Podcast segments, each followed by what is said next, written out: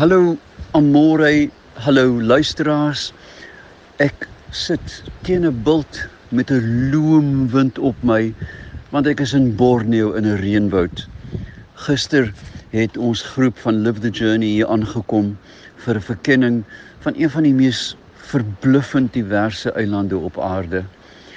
Die reënwoude van Borneo is werklik van die oudste op aarde, 150 miljoen jaar in vergelyking met die 120 of 130 van die Amazone.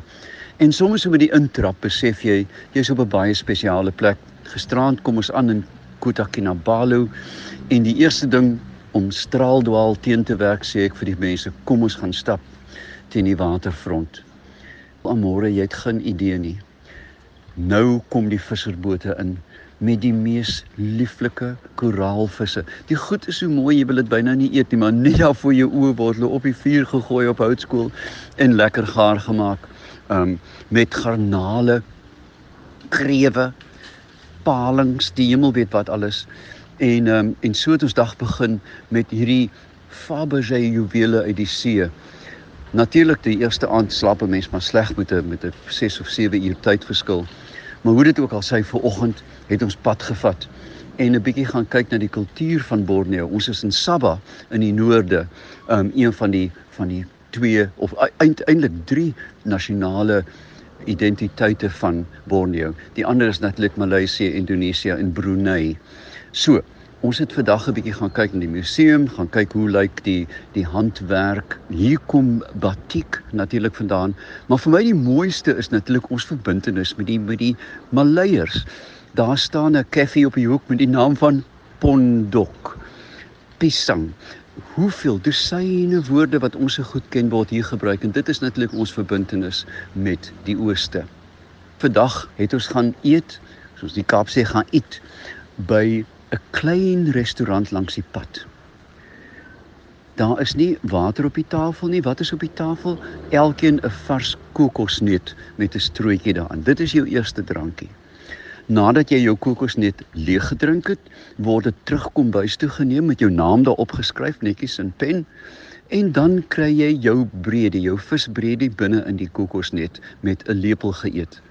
En dan amore hemel, dan kom die bykosse botterhoender. Tofu, wanneer laas het ek tofu geëet? Jy ken mos daai wonderlike sagte tofu wat dan in olie gebraai word en dan bedien is met 'n sojasous. Um ons het hartelik geëet van die eenvoudigste kos denkbaar. En dit is vir my so mooi. Daar is niks so tellerig aan die plek nie. Daar is niks teelantuintjies nie. Jy eet met 'n vurk en 'n lepel. Daar is nie 'n mes in sig nie.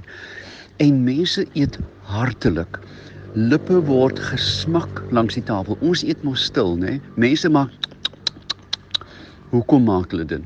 Hulle doen dit sodat lug oor die tong kan vloei en jy nog meer kan proe. Ek dink ons is so konvensioneel en so vasgevang in ritueel dat mense so uh, op 'n manier 'n ding moet doen. Die die eiland is natuurlik tropies en daarom is die gemoed van die mense ook tropies. Hulle is so effens Latino, jy weet manjana reg. Um moenie te veel bekommer oor goed nie, alles sal regkom. En uh, dis nou my vierde besoek aan Borneo en elke keer raak ek liewer vir die plek. Die toleransie vir geloof alhoewel hulle hoofsaaklik en amptelik 'n moslimland is, eh, word die Sikhs, word die Taoïste word die boeddiste hartelik en ruim ontvang en dit ook 'n plek in die son. En net waar jy kom is daar tempels waar mense aanbid. Ai wie ons wêreld is aan eintlik baie nou en dit bring my dan by die by die eindelike boodskap van vandag. En dit is ons moet leer om by ander te leer. Ons moet reis want ek sê mos altyd vir jou amore dat ons reis om onsself te ontdek want skielik is jy alleen jy's weg van die bekende van al die stutte en die krukke wat 'n mens het.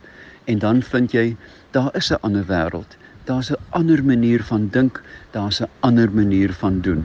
Nou ja ek moet voort met die met die mense en ek moet gaan nagereg van vars vrugte eet. So al my liefde en groete aan Alger by die huis